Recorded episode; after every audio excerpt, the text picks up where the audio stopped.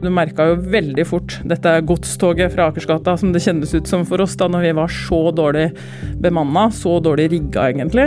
Eh, og du bare vet, som han sa, når han skrev kildene sine på budstikka.no og skrev navnet, så visste jo han at da var da fikk han ikke tak i den kilden, for da var VG på, alle de store tok jo den kilden med en gang, og han eh, fikk jo ikke det intervjuet han kunne kanskje fått.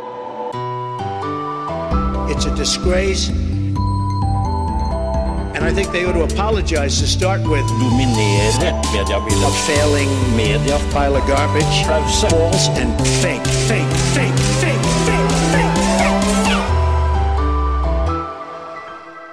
Etter over 100 år alene så skal Budstikka nå inn i landets største aviskonsern. Og til å lede den prosessen så har de fått med seg Karianne Steinsland som ny ansvarlig redaktør. Og du er også her eh, gjest i Presspodden i dag. Ja, takk for at jeg fikk komme. og vi skal prate litt om hvordan denne overgangen til konsern blir. Og vi skal snakke litt om forskjellene på å jobbe i rikspresse og jobbe i lokalavis. Men aller først så skal vi ha en liten kort eh, reklamepause. Ønsker du å annonsere i Pressepodden? Kontakt oss på annonse at medie24.no. Karianne, jeg kan jo si gratulerer med en ny jobb, selv om det har vært konstituert en liten stund. Jo, takk for det. Det er hyggelig. Hva var det som gjorde at du ville ha denne jobben? Nei, jeg sier vel det at uh, nå har jeg jo vært i Budstikka i tre år og har vel eh, faktisk aldri tenkt at jeg skal hoppe etter Kjersti. Hun har jo vært en, uh, en, uh, en, veldig toneangivende redaktør for Budstikka, og jeg har hatt det veldig bra de tre åra jeg har vært der som nyhetsredaktør. Men det er klart det at når hun forsvant til Stavanger Aftenblad, så setter det i gang prosesser. Og jeg ble konstituert, takka ja til det. Veldig ydmykt og og glad for det. Og man kommer jo gjerne i en sånn prosess når sånne ting skjer. Så selv om ikke det har vært en sånn målretta handling fra meg siden jeg gikk inn døra der i, i 2019 eh, så Det var ikke det som var planen når du starta? Nei, nei, absolutt ikke. Absolutt ikke. Og det kan høres kanskje litt lite målbevisst ut, men, eh, men for meg så har jeg hatt det veldig bra der jeg er. Men, men jeg er veldig, veldig glad for muligheten og gleder meg til å, å jobbe videre med Budstikka. Du snakker litt sånn nesten om arven etter Kjersti Sortland. ja, det er det, og det merker man også internt. At eh, det er også en av de tingene med å komme innenfra når du tar en sånn rolle eh, og får en sånn jobb. At det, det er jo man skal kalle det en æra, men det er jo alle redaktører som har vært iallfall såpass lenge som hun var. Og forrige mann var jo i nærmere 20 år. Eh, det er klart at det setter Man har jo gjort en redaktørgjerning i de åra. Og, og, Kjersti sin, eh, sine åtte og et halvt år i Budstikka har virkelig gjort eh, mye med avisa. Så det er klart at det er jo man kjenner jo på en ærefrykt, men samtidig så er vi to forskjellige redaktører. Jeg har vært der nå i tre år og, og gjør jo ting på min måte. Og har jo vært veldig aktiv eh, de tre årene jeg har vært der også med å forme Budstikka sånn jeg mener at Budstikka skal være. Hvordan er det Budstikka skal være nå? ja, nei, det var det Kjersti sa når jeg kom inn, at jeg var den første nyhetsredaktøren som aldri hadde lagd en papiravis. Det er ikke helt riktig det, for jeg har jo jobba siden jeg var 14 år. men og det var jo, er jo såpass lenge siden at da var det jo ikke internett. Eller det var jo det, men ikke nettavis. Så det er klart at jeg er jo et veldig netthode. Jeg tenker veldig digitalt først. Uh, jeg uh, så der er jo den, kanskje den største forskjellen på meg og Kjersti sånn i utgangspunktet. Så det første jeg gjorde da jeg begynte der, var jo egentlig å sette i gang med å, å, å, å organisere sammen med resten av gjengen på hvordan vi skulle kunne dekke hendelser, breaking, bygge opp en breaking desk, eller nettdesken som vi kaller det hos oss. Eh, så det er klart at det kommer jeg til å bringe med meg videre også i arbeidet. Det er det viktigste for oss nå. Og, altså, vi alle, mange som vil se denne poden her og kjenner jo, eller høre på den, vil jo kjenner jo til forretningsmodellene våre og hvordan utviklingen papirnett går. Um, og Budstikka har skrudd på denne, ikke et veldig godt ord, men betalingsmuren i, i 2017. Uh, det har, har, jo gjort også noe med journalistikken vår. Og det gjør også noe med at vi ligger litt etter i forhold til dette her med å, å tilpasse oss den digitale hverdagen. Du sier det har gjort noe med journalistikken deres eh, på hvilken måte? Nei, altså Når du skrur av så seint, så blir mm. nettet fort en sånn eh, i verste fall, jeg sier ikke Budstikka var det, for jeg fulgte ikke Budstikka så nøye før det. Eh, men det er klart at det, det, som er veldig flott med en sånn betalingsmur, er jo det at du får konsentrert deg i større grad om abonnentene. Og det er jo jeg veldig glad for, som er så opptatt av at vi skal lage lojalitets... Altså hva skal man kalle det? Altså journalistikk som gjør at du vil komme tilbake igjen. da, Som er ekte, som ikke ikke Klikkhoreri er jo ikke noe jeg etterstreber at vi skal gjøre mer av. Eh, men vi må kunne den balansegangen. da, Og når du skrur på en betalingsmur eller begynner å tenke den type forretningsmodell, uten at jeg egentlig kan si hva de tenkte i Budstikka i 2017, men sånn overordna, så tror jeg det gjør noe med journalistikken din. Og du må tenke digital først. Eh, og vi i Budstikka nådde denne altså andelen papirabonnenter og digitale abonnenter nådde vi liksom gikk over fra eh, bikke flere digitale abonnenter i fjor høst. Og når jeg da som jeg jobba i Aftenposten husker at vi gjorde det i 2017, så er det liksom det, det Og da, du har litt å ta igjen, da. Og så vil jo vi selvfølgelig vokse på begge plattformer eller begge eh, altså produkter. Men det gjør også noe med eh, hvor vi fokuserer når vi har tjent mest penger på papir og fremdeles har hatt flest abonnenter på papir. Eh, men vi må, og jeg kommer til å fokusere enda mer på at vi må inn i den digitale journalistikken enda mer. Og det gjelder både prioriteringen vår, når publiserer vi saker, at ikke vi fremdeles sier dette er en oppslagssak til papir. Vi må tenke når er det leseren vår på nettet vil ha den. Så det er jo den største sånn som jeg tar tak i nå, enda større enn jeg har gjort de tre siste åra, da. Hvordan blir det tatt imot av de som jobber der? Nei, Jeg hadde et allmøte i går hvor jeg pratet litt om, etter to uker i jobben, nye jobben, da, pratet om hvor vi skal. Um, jeg tror ikke dette kommer så veldig overraskende på gjengen at vi skal fokusere enda mer på det. Eh, men det er klart jeg fikk et veldig godt spørsmål. Ja, men eh, er det ikke bra at vi Er det, meningen at vi skal bli 90% digitale versus 10% papir? Er det det som er målsetningen din, Karianne? Nei, det, jeg vil jo vokse, men jeg tror ikke det er noe Det er ikke sånn at, eh, at vi i fremtiden kan regne med, egentlig. Det er så mange markedsting som eh, eh, altså, Så lenge ikke vi skal bli en veldig papirorientert avis, da, vi skal følge med lokalmiljøet vårt, så må vi henge med der brukerne våre er. Og de er ikke på papiravisa. Dessverre. Hvis man er veldig glad i papiravisa. Så man, så man vil ikke ende opp med 90-10-fordelinga? Nei, jeg håper jo ikke det veldig fort. Men jeg tror jo ikke at mine barn, hvis de skal lese Budstikka om når de kanskje flytter tilbake til Asker og Bærum når de er 35 år, kommer til å abonnere på papiravis. Jeg tror ikke det. Time will show, som ja. det så pent heter. Eh, du ja. nevnte jo at du har jobba i Aftenposten og har jo med deg mye erfaring eh, derfra inne i Budstikka. Hva var de store forskjellene på å komme fra en riksavis til en lokalavis? Ja, Veldig godt spørsmål. Det var en større overgang enn jeg hadde sett for meg når jeg begynte der. Um, og jeg hadde jo, er jo av den som begynte tidlig i en lokalavis når jeg var 14 år, og når det fremdeles var mulig. da. Så jeg kjente jo til lokalavis og visste jo hva det var, men jeg hadde jo jobba da i tolv år og også veldig mye retta mot eh, forbrukerjournalistikk og ting som var veldig sånn nasjonalt. Det var ikke spissa mot én gruppe. Eh, så, så, det var en veldig overgang, bare det der at du må tenke mye mer uh, tett på. og at du, Men det kanskje største Jeg fikk en liksom sånn oppvåkning med en gang jeg hadde fått jobben som nyhetsredaktør i Budstikka, at det var og jeg bor jo 1500 meter unna Budstikka, så det er jo virkelig i egen nabo, mitt eget nabolag. Eh, og fikk jo med en gang veldig mye kontakter fra mitt eget nabolag. da. Ikke skriv om dette, for det er dårlig gjort at dere gjør. En del sånne ting som jeg aldri hadde fått når jeg jobba i Aftenposten. Det var jo ingen som kontakta meg der og syntes ting var urettferdig at vi skrev om. Jo, men ikke i din egen nabolag og de, de, de du kjente så tett på i livet ditt. da. Så det var vel sånn det første som man merket, at du har en eh, en mye tettere forhold til kildene dine, fordi du møter dem også i butikken på en helt annen måte. Men hvordan skal man, for Jeg syns det er så interessant med den ja. problematikken der. Vi hadde et eh, leserinnlegg her på Medier24 for en stund tilbake mm. eh, som handla om ei som ikke ikke har stort behov for å jobbe i lokalavis. Mm. Akkurat nå stortrives med å ja, jobbe i rikspressen. ikke sant? ja. Og en av hos sine bekymringer er jo nettopp det at man kommer så tett på de man ønsker å dekke. Mm. Mm. Hva vil du si til den problematikken? Du har jo sjøl tydeligvis fått eh, folk som ber deg ikke skrive om ja, ting. ikke sant? Eh, jeg tror at ikke det er så veldig vanskelig. Man må huske at man har noen hatter på seg, og man har et yrke. Eh, og man kan jo sikkert sette dette i andre yrkessammenhenger også. Altså du skal, hvis du jobber på gamlehjem, så skal du faktisk en dag passe på de som du har kanskje hatt nabo i Eller du kan sikkert velge å ikke gjøre det, da, men, men det er mange yrker det er sånn. Men man må passe på hattene sine. Um, og så må vi ha, eh, og det har jo Kjersti vært veldig det er jo en av de tingene hun har vært veldig opptatt av. At vi skal tørre. Altså tørre å stille de kritiske spørsmålene. Tørre å ta eh, de vanskelige sakene. Og det har jo hennes redaktørgjerning i Budstikka vist at hun har gjort. Eh, på tross av at Det blir ubehagelig. Og jeg tror jo at så lenge du, vi sammen som et lag eh, Vi er jo ikke så få heller, så vi kan jo velge også hvis du kjenner at dette blir for inhabil, altså det er vanskelig for deg å gjøre oppgaven, så må vi jo sette noen andre på det.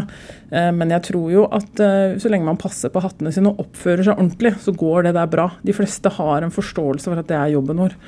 Og så er nok det forskjellig fra lokalavis til lokalavis, fordi vi er jo tross alt ganske mange, da, 30, 30 stykker. Eh, og, og, og, såpass nær Oslo at eh, ikke noe vondt om eh, mindre steder, men de er kanskje mer vant til vil jo si En større kommune kanskje er, har jo et egen kommunikasjonssjef som er vant med mer av den type journalistikk også. Vi som jobber med Bærum er jo Norges femte største kommune. De er veldig proffe. De blir ringt av Aftenposten de òg, liksom. Ikke, de behandler ikke oss, og vi behandler ikke de noe annerledes for det om. Men forskjellen er jo at når riksavisene forsvinner, så er jo vi der igjen. Da skal vi møte de på butikken igjen. Så vi må oppføre oss ordentlig og holde hattene våre på plass. Tror du at du kommer til å hisse deg på deg noen av naboene dine? ja, akkurat når det gjelder der jeg bor, på Billingstad, så er det eh, klart at eh, jeg er jo veldig engasjert i mitt eget lokalmiljø og har barn på skolen der osv. Jeg må jo også passe på hvilken hatt Altså, jeg vil jo ikke eh, kunne jobbe så tett på kritiske saker, f.eks. hvis det hadde skjedd noe på min lokalskole. Eh, fordi man må jo kunne det, men vi, da måtte vi jo nok Jeg har jo flere andre jeg kan støtte meg på, meg på i redaksjonen. Eh, men, men, jeg er ikke noe redd for at vi skal eh, sist, Den siste to ukene nå så har vi hatt kritisk journalistikk mot eh, kommunedirektøren i Asker som, rundt en avtale som han, han, ga 400 000 til en fotballklubb som holder på, eller eh, har veldig dårlig økonomi, uten en avtale. Det er jo ikke noe vi er redde for å skrive om. Vi stopper ikke det bare fordi vi har godt forhold til dem. Vi må bare mm. oppføre oss profesjonelt og gjøre det riktig og redelig. Og holde hattene våre i orden. Ønsker du å annonsere i Pressepodden? Kontakt oss på annonse at medie24.no. Du nevnte jo det her med når rikspressen drar. og I ja. den forbindelse vil jeg egentlig snakke om en veldig konkret hendelse. hendelse. for 10.8.2019 eh, husker iallfall jeg veldig godt, fordi ja. sjøl så jobba jeg i TV 2. Ja. Jeg var på nyhetsvakt, eh, eller på kveldsvakt på Nyhetskanalen. Mm. Og da fikk vi beskjed om at det var, hadde skjedd en hendelse i en moské ute i Bærum. Mm. Og det viste seg at det var han Philip Manshaus som rett og slett hadde angrepet en moské. Hvor var du da du fikk, fikk denne beskjeden? Jeg sto hjemme og skulle ha bursdagsfest for dattera mi, som ble vel eh, ja, Hvor gammel ble hun da? Eh, åtte år. Eh, og hadde, sto og stekte noen vårruller, for det skulle komme en, noen voksne foreldre og barn eh, til oss rett etterpå. Klokka fem. Og dette skjedde jo halv eh, fem. Eh, og så Den gangen så var da hadde jeg jobba i Budstikka i tolv år, vi var i gang med en omorganisering med å lage en sånn breaking desk. Eh, og vi hadde da ikke bemanning vi klokka halv fem på en lørdag. Vi hadde bakvakt, og jeg var bakvakt, redaktør. Skulle egentlig ikke da på jobb før søndag kveld eller ettermiddag for å lage papiravisa. Det var liksom eh, sånn det var da. Eh, så når dette skjedde, så hadde jeg en journalist som eh, jobbet hjemme, hadde gått hjem, hadde litt sånn beredskap. Han fikk meldingen om dette, eller begynte å eh, skinne på Twitteren. Eh, og vi fikk mye telefoner inn på tipstelefonen, for det, ting skjedde jo. Man så jo at politiet var der osv. Eh, og så hadde jeg en fotograf som var på Stabæk-kamp, tror jeg. Jo, det var jeg tror det var fotballkamp. Så det var sånn det så ut i Budstikka da. Vi var tre stykker. Egentlig ingen av oss eh, så veldig operative. Eh, heldigvis da hadde jo han eh, som var på jobb, hadde jo en, har jo et godt kildenettverk, og hadde også et godt kildenettverk i moskémiljøet. Og fikk jo da tidlig kontroll på en del kilder rundt der, for vi visste jo hvor det skjedde og hva det var for noe. Og når han da sender meg en melding, eller om han ringte akkurat der, er litt sånn vagt for meg hvordan det gikk for seg, men da når han sendte meldingen at var, eh, vi hadde fått vite av kildene våre at det var en hvit mann med hjelm eh, og, våpen, da ja, Jeg kjørte veldig fort til jobben da. Var, da var det bare å sette Først og fremst prøve å finne ut hvem er det, hva er det som skjer, få kontroll. Eh, journalisten måtte jo selv ta vurderinger om han skulle dra ned dit, eller for han var bare han. Jeg, fikk laga en sak, da. Fikk pumpa ut den. Ringte fotografen, avbrøt dette oppdraget, fikk henne, fikk henne direkte til moskeen. Eh, og han dro selv dit også. Og da var, ble jeg den som heldigvis da hadde rukket å komme meg på jobb og kunne jobbe derfra og, og få inn ekstra ressurser. Um, så det var uh, Og jeg snakket med han journalisten Kim i stad, bare for å høre litt hvordan det opplevdes rundt dette her med, med, med hvordan hele situasjonen den lørdag ettermiddagen var. Eh, og han eh, sier jo det at eh, sier jo det uoppfordra selv òg, at du merka jo veldig fort dette godstoget fra Akersgata, som det kjennes ut som for oss da når vi var så dårlig bemanna, så dårlig rigga egentlig. Og du bare vet, som han sa, når han skrev kildene sine på budstikka.no og skrev navnet, så visste jo han at da var da fikk han ikke tak i den kilden, for da var VG på, alle de store mm. tok jo den kilden med en gang. Og han eh, fikk jo ikke det intervjuet han kunne kanskje fått hvis han hadde, vi hadde vært litt bedre rigga, kanskje. da. Og det er jo det vi merker, at ressursene våre var for lite da. Vi har jo etterpå også selvfølgelig eh, gjort om på turnusen vår, sånn at vi er aldri så dårlig bemanna på et sånt tidspunkt. For hendelser skjer. Og det er jo ikke det har vi jo sett gang på gang med at det gjerne skjer når vi er få på jobb. Og viste, for i den, i den, kvelden her så viste ja. det seg jo altså En ting var dette angrepet, som man mm. forsto ganske kjapt, og det ble jo høvelig avklart ja, ganske kjapt. Ja, ikke sant? Eh, men det som kom utover kvelden, var jo at det viste seg at han rett og slett hadde drept lillesøstera si tidligere på dagen. Mm. var det å dekke for dere?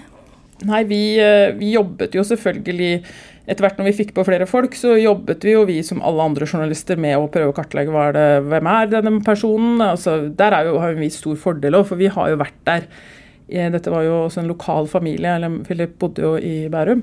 Ehm, så vi hadde jo store muligheter til å finne ut mye om han. Fordi vi har jo vært der første skoledag, vi har tatt bildene. Vi har vært der når lekeplassen i området ble åpna. Han kanskje var på eh, bildeteksten. Vi har jo et enormt arkiv som vi kunne gå i gang med.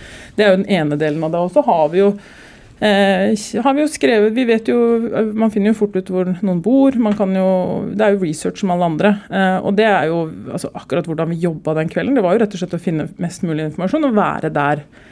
Sjekke hjemmene eh, hvor vi vet at ting skjer. Og så var det jo en del politiaksjoner rundt omkring, som vi også finner ut av, da, selvfølgelig. Så det er jo rett og slett godt kildearbeid, sånn som alle de andre gjør. Men du sier da kjente dette godstoget fra ja, hovedstaden? Det føles litt sånn noen ganger. Det, er, det kommer i eh, Du veit at du, som Kim sa, det er, du må liksom du vil jo være først, og du vil jo ha de beste intervjuene, og vi vil jo ha alt akkurat på samme nivå. Så begrenser jo selvfølgelig noen av ressursene at vi ikke har ti byliner på hver sak. Vi har jo ikke så mange folk som jobber klokka på en lørdagskveld. Eh, og selvfølgelig kan vi jo kaste om osv., men det er jo mer den der at du merker at det, det er så voldsomt, og det er nesten Og det prata vi jo en del om etterpå. at det, at vi må ikke miste helt piffen av det heller. For vi må jo gjøre vår jobb i lokalmiljøet og, og, være det stedet hvor folk i, i Asker og Bærum vil komme. da. Eh, og så må vi jo kunne tilby andre saker enn det alle andre har òg, og det kan vi jo med et godt kildegrunnlag og med alt det vi har gjort før. Altså Vi har jo en kjempefordel ved at vi bor der, eh, jobber der hver eneste dag i samme område. Eh, men et godstog føles det ut som, ja. Det er mye, mye sånn vom inn, og så vom ut. Ja, Hva skjer med dere når det er vom ut fra de store? Nei, nei, og da er det jo akkurat det samme igjen. At vi skal jo være der når de forsvinner, det godstoget er borte igjen, eller det har kjørt videre et annet sted, eller det skjer en hendelse et annet sted, så er jo det borte igjen. Ehm, og det er jo forskjellen på oss. Altså, eh, eh, VG, Dagbladet, Aftenposten skal jo inn, dekke det, være der, oppføre seg ordentlig, de òg, og vi òg, selvfølgelig. Men vi skal jo sitte igjen etterpå og på en måte, Jobben vår er jo da å fortsette med det og holde i det, eh, ikke gi slipp på det. Og Jeg sier ikke at de andre gjør det, men de jo, må jo prioritere å gjøre andre ting igjen. Og Man er jo mye tettere på det, ja, så det er jo mer naturlig at man følger det absolutt, etterpå. Ja, absolutt. Og så må jo vi være, for Det vi gjorde akkurat i den konkrete saken, var jo at vi jobba da videre med å, å, finne ut hvordan kunne dette skje. Altså alle spørsmålene, eh, sånn som man kjenner igjen fra, fra 22.07. Altså med, med Anders Behring Breivik. Altså, man vil jo se hva er det som gikk galt her. Er det noe som gikk galt, og er, hvem er som har ansvar for det eventuelt? Da? Eller er det bare en personlig tragedie, liksom? Det, det er jo vår oppgave. Eh, og da må jo vi gjøre det eh, med, sånn vi kan gjøre det. Og det er jo som alle andre, men vi har jo et mye større kildenettverk gjerne, fordi vi har vært der fra han gikk på skolen til han Eller mm. vi har vært i lokalen hvis han har bodd der hele tida, så har vi vært der hele tida også. For det, for det, er jo fordelen med å være nært, men mm. er det noen utfordringer med å jobbe For det er jo en traumatisk hendelse mm. i liksom, kommunen? da? Ja, ja, det er Eh, vel, vi husker jo begravelsen når vi var på Nei, ikke begravelsen, minnemarkering. Eh, det var allerede dagen etter. Altså De dagene der føles ut som flere uker. Eh, men, men, men, det er klart at det, eh, vi skal jo være med på alt, og vi må dekke det. Og vi kjenner jo mange, altså bare ordføreren som også bor i samme område som Philip har vokst opp og bodde. Eh, de er jo berørt, de òg, og vi kjenner dem jo godt. Og vi er jo bare mennesker, men vi må jo også stille de vanskelige spørsmålene. Altså Er det noe kommunen kunne gjort annerledes her? tok vi jo ikke det på minnemarkeringa, men det er jo arbeidsoppgaven vår å stille de spørsmålene. Men det, men det mener jeg at det, det, er ikke noen forskjell på, på egentlig Men det er det at vi må være der etterpå, vi kommer til å være der etterpå, og vi skal hilse på deg på butikken etterpå. Så. Og vi har jo sett flere eksempler typ uh, i Kongsberg, mm. når det var en som rett og slett drepte folk i gata der. Mm. Og vi kan ikke utelukke at det skjer terror i distriktene igjen. Nei. Hva tenker du Nå skal ikke du liksom komme med ti, nå skal ikke du komme med liksom ti tips, Nei. men hva tenker du at andre lokalaviser kan lære av de erfaringene dere gjorde der? Det er vel som Lågendalspostens eh, redaktør også har snakket en del om, og der fikk jo de også eh, ble Det var veldig inspirerende å se på som ny av medieavis, hvordan de liksom satt sammen lag fra DT og Nettavisen osv. i Lågendalsposten.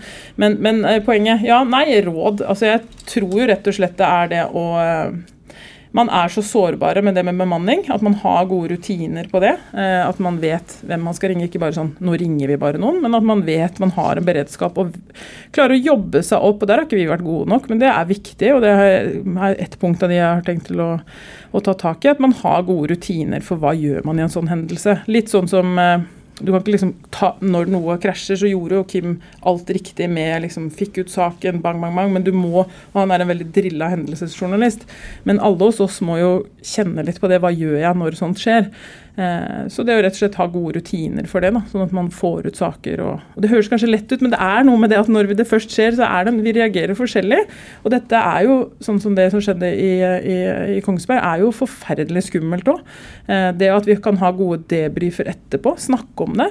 Eh, og Det gjorde ikke vi nok da, og det burde vi ha gjort. For det er jo, man kan jo oppleve ting som ikke er så Akkurat i denne mannssaken så var det jo ikke noe sånt, men, men typisk i Kongsberg, da. Altså.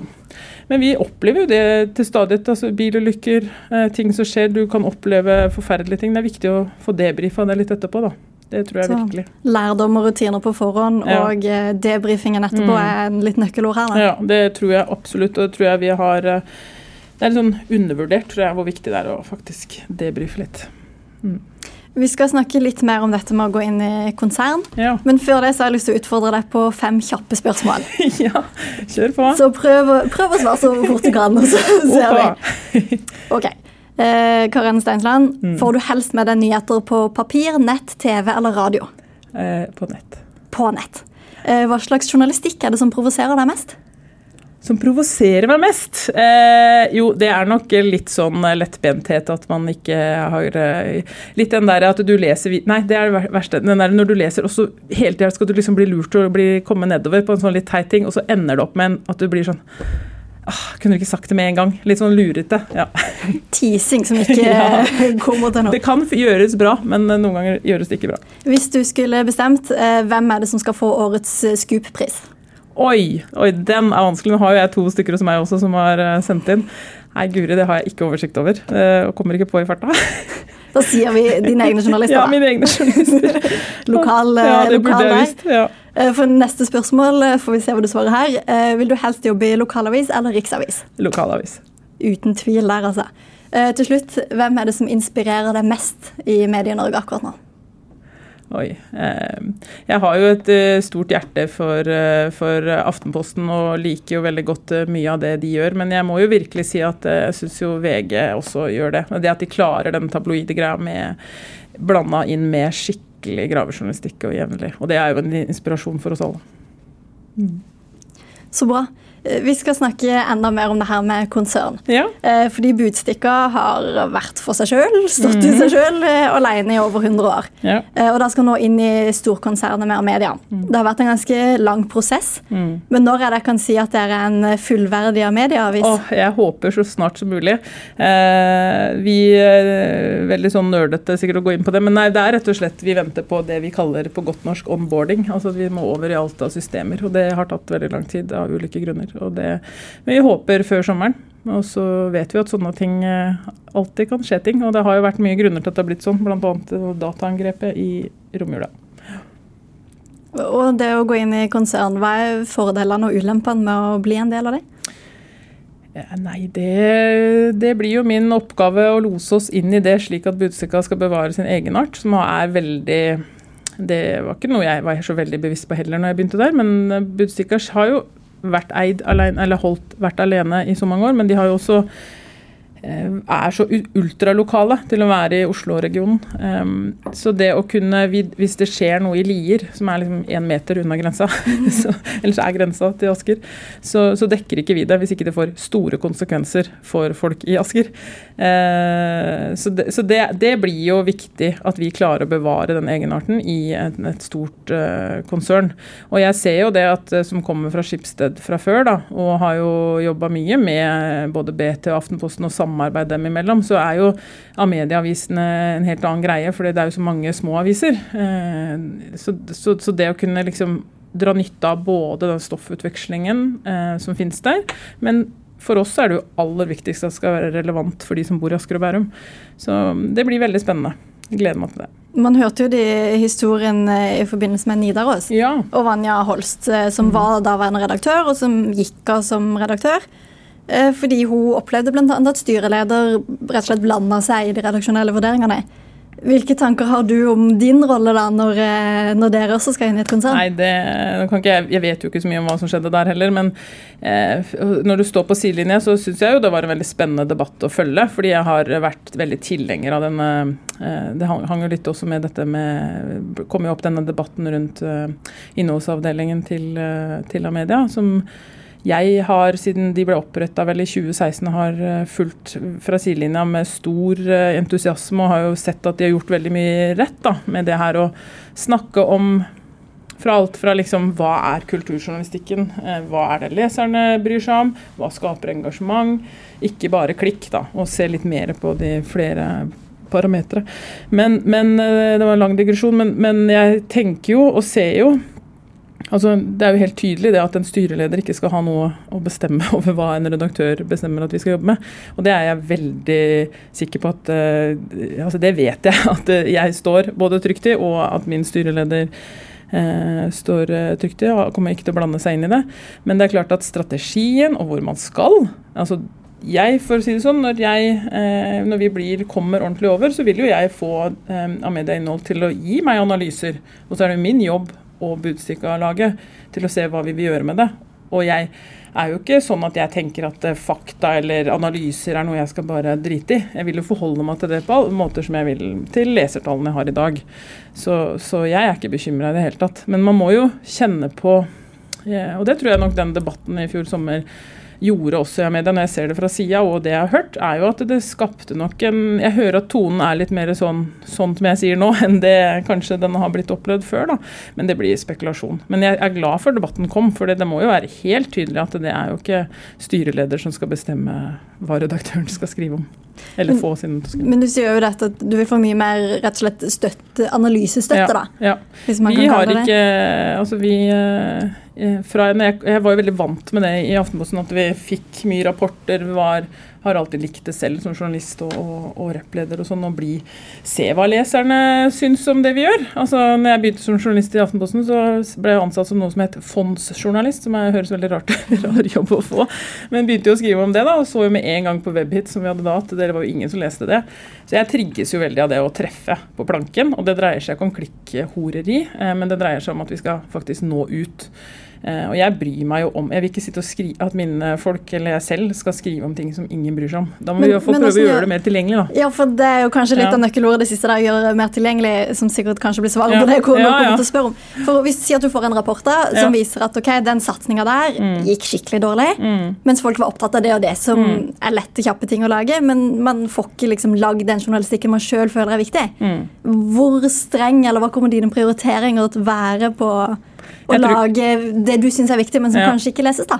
Jeg tror og vet at uh, journalister aldri, og ikke redaktører heller, vil la bare det telle.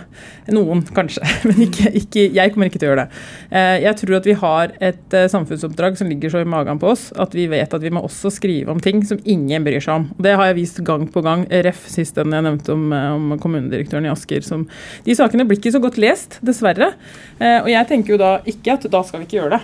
Altså, det er så enkelt som som det. da. Det er samfunnsoppdraget vårt å stille de kritiske spørsmåla. Men jeg tror det ligger en mellomting der, at du kan gjøre også det stoffet mer tilgjengelig hvis du bruker verktøy. Og da er det ikke det å lage akkurat nå, bang, og title det. Men det er, det er en mellomting mellom det, da. Men du må gjøre det mer tilgjengelig. Så kan vi bruke eh, verktøyene i den kassa til å f.eks. se hva gjorde du med den artikkelen når du skrev den som gjorde at ingen brydde seg mer om de to første setningene. Er det grep da som ikke skal være megatabloide, men det er jo faget vårt, da, å gjøre ting litt mer tilgjengelig. Eh, så tror jeg vi har mye å lære der.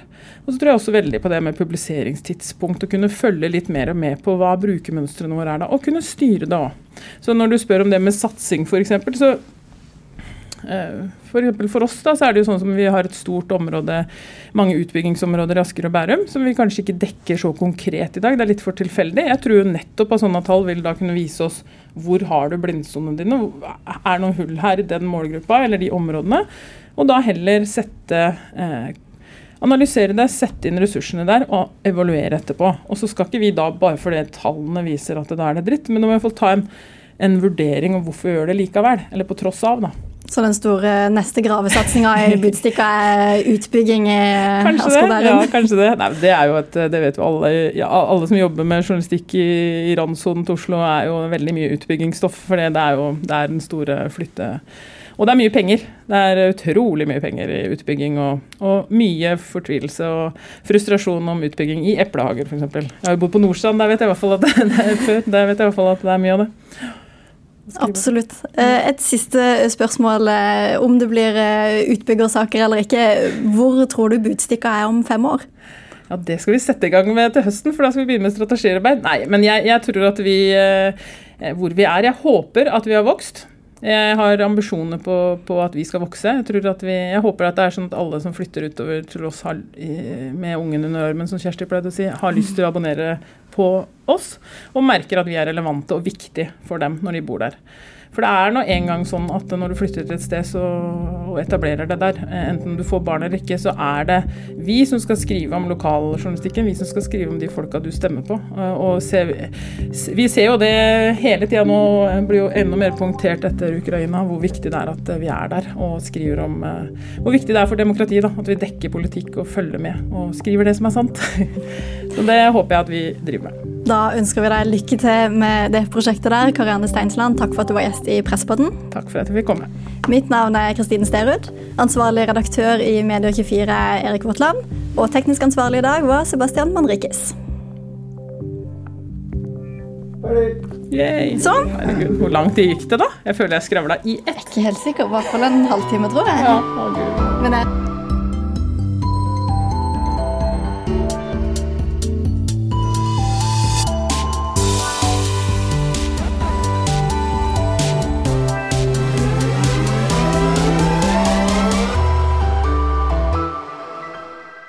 Ønsker du å annonsere i Pressepodden?